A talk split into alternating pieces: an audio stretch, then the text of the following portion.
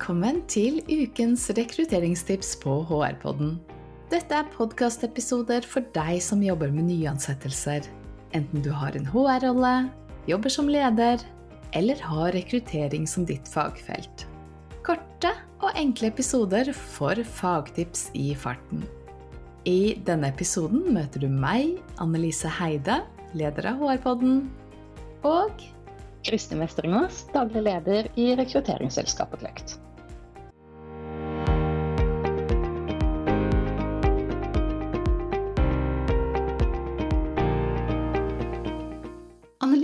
Som vi var inne på helt i starten av denne serien, så var LinkedIn det som førte oss sammen igjen etter mange år. Ja, vi er jo begge veldig aktive på plattformen, og det er ikke tilfeldig. Vi bruker den bevisst begge to. Så i dag så skal vi snakke litt om LinkedIn og rekruttering. Det er altså en episode for deg som jobber med rekruttering, eh, om hvordan du kan få best mulig nytteverdi av LinkedIn-plattformen. Noen små justeringer som du kanskje ikke har tenkt på, men som kan være lurt å ta med seg. Men før vi setter i gang. Dere som jobber med rekruttering, Kristin, dere har gjerne en helt egen versjon av LinkedIn, en som heter Recruiter, stemmer det? Mm, det stemmer. For de som ikke vet hva dette er, så er det et helt annet grensesnitt til LinkedIn, der det er et eget frontend, og det er en søkedatabase over alle profilene der inne. Og det som kalles recruiter, det er både en light-versjon og en pro-versjon. Og på den siste så får vi tilgang til f.eks. disse skjulte open to work-markeringene osv. Men du, kan, kan, jeg stoppe deg litt der? De skjulte Open to Work-markeringene, vil du bare fortelle hva det er for noe? ja, altså når noen markerer seg som Open to Work, så velger de om alle skal se det. Og hvis de velger det, så får de dette grønne banneret med Open to Work, mm. som absolutt alle kan se eh, på mm. LinkedIn.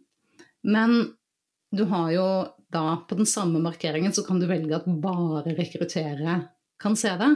Og da får du ikke et sånt grønt filter som alle kan se. Da er det bare de med Recruiter Pro-tilgangen som kan se at du er open to work. Aha. Mm. Så, men den, den, er igjen, den er ganske kostbar, uh, og det er ikke alle som jobber med rekruttering som bruker den. Og dagens episode handler jo ikke om den. Dagens episode den handler mer om de grunnleggende tingene som absolutt alle kan tenke på når de skal rekruttere.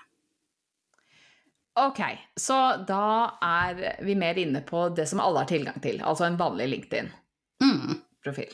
Mm. Nå er det jo sånn at for å være på LinkedIn, så må man ha en profil. Og denne profilen, den bør jo tilpasses formålet med at vi er der. Og hvis man først og fremst skal rekruttere, så bør man tilpasse profilen til det. Jobber du med inhouse-rekruttering, altså rekruttering til den bedriften du jobber i, så bør du trolig spisse deg litt mer mot kandidater enn det en ekstern rekrutteringsrådgiver kanskje vil gjøre. Så tenk først på hvem som er målgruppen din. Og nå skal vi tenke at det er potensielle nye medarbeidere til selskapet som er ditt publikum. Og det første du må begynne med da, det er din egen profil. Nå er det jo slik at profilene våre på LinkedIn de eier vi jo selv, selv om vi har en tilknytning til en arbeidsgiver. Men hvis vi skal optimalisere for å skape resultater i jobben vår, så vil det jo gjerne være en fordel å tydeligere signalisere at du representerer arbeidsgiver. Du blir jo et slags lite utstillingsvindu for selskapet du rekrutterer til. Hmm. Så la oss bare begynne med noen helt grunnleggende grep som du bør gjøre. Eh, det første er bruk firmabanner på profilen din. Eh, og de fleste selskaper har dette, men det er ikke alle som bruker det. Eh, og jeg anbefaler å ha det.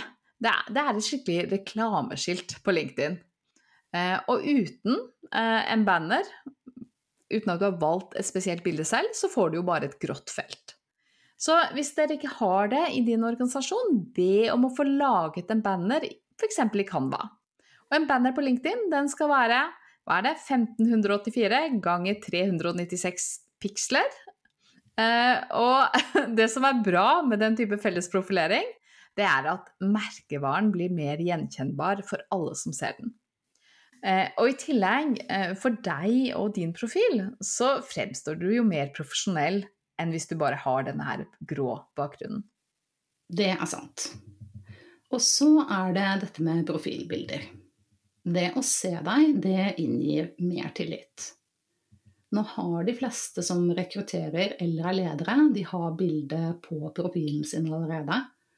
Men jeg ser stadig folk som har feil innstilling på profilen, slik at bildet kun synes for forbindelsene, altså first degree connections.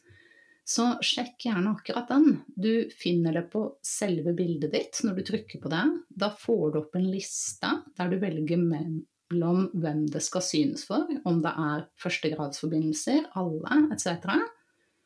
Og jeg har sagt fra til flere om dette fordi jeg ikke har kunnet se dem. Og da har de blitt veldig overrasket. De har ikke vært klar over selv at de har hatt denne innstillingen. Så du ser jo bildet ditt selv uansett hva du har valgt. Men for potensielle kandidater, hvis du ikke er knyttet direkte til de fra før av, så er du altså sånt grått ikon hvis du har feil innstilling. Og så to ord om selve bildet. Bruk et bilde der du ser vennlig ut og ser rett i kamera. Dette er ikke tidspunktet for å være for kreativ eller for kul bilde i profil f.eks., altså tatt fra siden, det kan jo se ganske stilig ut, men det er ikke hensiktsmessig her. Du ønsker jo å se ut som en person som man får lyst til å tilnærme seg, og det har med vinkelen å gjøre. Den skal være rett forfra, og ansiktsuttrykket ditt. Hmm, godt poeng. Og så har du en headline, altså det som står rett under bildet. Um, og her er det mange som bruker tittel og selskap. Eh, det er vel kanskje default hvis du ikke setter inn noe spesielt her.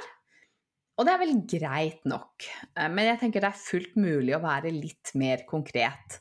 Eh, få noe mer ut av dette feltet. Hva anbefaler du? Ja, Tittel og selskap er greit nok, det, men det kan også være en variant. F.eks. bygger team som digitaliserer byggebransjen, eller hva nå som er formålet til selskapet du representerer. Men jeg har én ting som du bør ha med i headlinen din hvis du er på jakt etter nye medarbeidere. Og det er skriv gjerne 'jeg ansetter' eller 'rear hiring' i selve headlinen din. Og det er flere grunner til at du bør gjøre det. Én ting er jo at noen kan bli nysgjerrige. Eh, er det ikke noe hemmelighet at dere ansetter, så vil du jo at folk skal få det med seg. Men en annen ting det er at det er flere som søker opp akkurat den teksten. Det er f.eks. Mm. et av tipsene jeg gir hvis noen spør meg. Det er å søke til folk som har dette i headlinen sin. En annen ting ved det er at det fremstår jo som litt positivt. Det signaliserer jo vekst, ikke sant? Men en annen grunn til hvorfor du skal ha slike ting på headlinen din, det er at folk ser den hele tiden. Hvis du kommenterer på et innlegg f.eks., så ser de den. Selv om de ikke ser hele profilen din, altså går helt inn på deg, så ser alle den headlinen, den første biten av den, hver gang du kommenterer noe. Så vær bevisst i forhold til hvordan du bruker den lille plassen der. Mm. Og så er det en annen ting som mange ikke bruker. Og det er jo denne muligheten til å legge en link til nettsiden din. Um, eller til andre steder som du ønsker å henvise folk. Så på min LinkedIn-profil har jeg valgt å ha en direkte link til HR-podden. Akkurat nå står det faktisk en link til rekrutteringstips. Vi får se om vi endrer på det, men jeg bytter litt på. Eh, og her kan du legge inn en link til din arbeidsgivers hjemmeside, eller en link direkte til ledige stillinger. Og så kan du selv velge tekst på denne linken. Og det kan være 'se våre ledige stillinger', eller 'sjekk ut vår karriereside', eller noe annet gøy som gjør at potensielle jobbsøkere blir fristet til å klikke på denne linken. Men har du flere gulltips, Kristin? Jeg har noen tips til. Um, det ene er det med å feste et innlegg på profilen din, slik at det alltid kommer opp øverst. Det kan være en stillingsannonse. Det kan være en jobb hos oss-post eller lignende. Men noe du tenker er en trigger. Hvis du har noe, så lag et eget innlegg og fest det. Og så må jeg gi et lite tips. Jeg ser så ofte disse innleggene der noen deler en stillingsannonse, og så bruker de en sånn tekst 'Vi ansetter, kjenner du noen som kan være interessert?' Og da scroller jeg jo videre mens jeg snorker litt. Og det er jo synd, fordi jo, men jeg har 13 000 forbindelser og følgere. Og dette kunne jo sikkert vært interessant for noen av dem. Så hvis et eller annet hadde engasjert meg litt, så hadde jeg ikke bare scrollet forbi.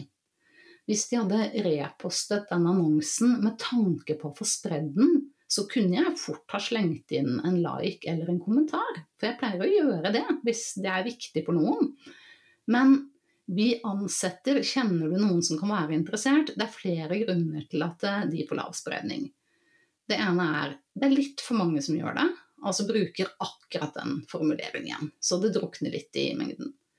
Og så er det jo heller ingenting som tyder på at dette engasjerer deg som har postet det. Det høres jo veldig tamt ut. Og så mangler det en såkalt call to action. Så et lite eksempel på hvordan man kan gjøre det i stedet. Som jeg gleder meg til å få denne personen på plass. Og så noen ord om hvorfor det er så viktig for selskapet. Og at du derfor må be alle i nettverket ditt om en like eller en kommentar for å spre den. Og særlig hvis du er et litt ukjent brand, så er det enda viktigere med disse tingene. For da har du allerede færre som vurderer deg pga. brandet, enn det de store og kjente har. Så alt du gjør på individnivå, det kan faktisk veie opp for mye mer enn det du skulle tro. Det er veldig bra. Jeg støtter den 100 eh, Og hvis du skal få til organisk spredning, så må du faktisk legge litt energi inn i det å gjøre noe kreativt som engasjerer. Eller gjøre, bare gjøre noe som gjør at folk får lyst til å kommentere og dele. Du må tørre å være litt personlig, skille deg litt ut. Har du noe mer? Ja, vi kan ta et lite hack. Kommenter. Det gir mye mer synlighet enn det du er klar over. Du og den headlinen som vi nå har mast om, den synes jo for et stort antall mennesker hvis du faktisk kommenterer litt. Mm. Og kommentarer har jo en annen positiv bieffekt også. For det at når du viser dine kontakter at du gidder å engasjere deg i deres innlegg, ja, men da er det større sjanse for at de engasjerer seg når du deler noe. Hele LinkedIn-plattformen er jo bygget opp etter prinsipper for nettverksbygging og fellesskap. Så det holder ikke å bare dele, innlegg, dele sine egne innlegg og forvente at folk skal engasjere deg i det som du deler. Og så må jeg bare få legge til når noen kommenterer på det som du har delt, så er det god LinkedIn-etikette å svare på kommentarer. Helt klart. Det er normal høflighet, men det er en grei påminnelse, Annelise, for det er ikke alle som gjør det. Og så er det mye, mye, mye mer du kan gjøre på LinkedIn som handler om godt employer branding-arbeid og det mer langsiktige perspektivet for hvordan tiltrekke seg kandidater. Men det får vi heller komme tilbake til ved en annen anledning. Hmm. Takk for gode rekrutteringstips for LinkedIn, Kristin. Og til deg som lytter på, vi høres snart igjen.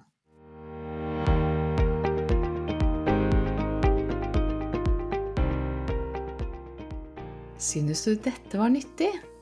Del gjerne episoden med en venn eller kollega. Og følg Annelise og Kristin på LinkedIn for mer fagstoff om HR og rekruttering. Og du? Husk at HR-podden kommer ut med en ny og spennende episode hver onsdag. Vi høres!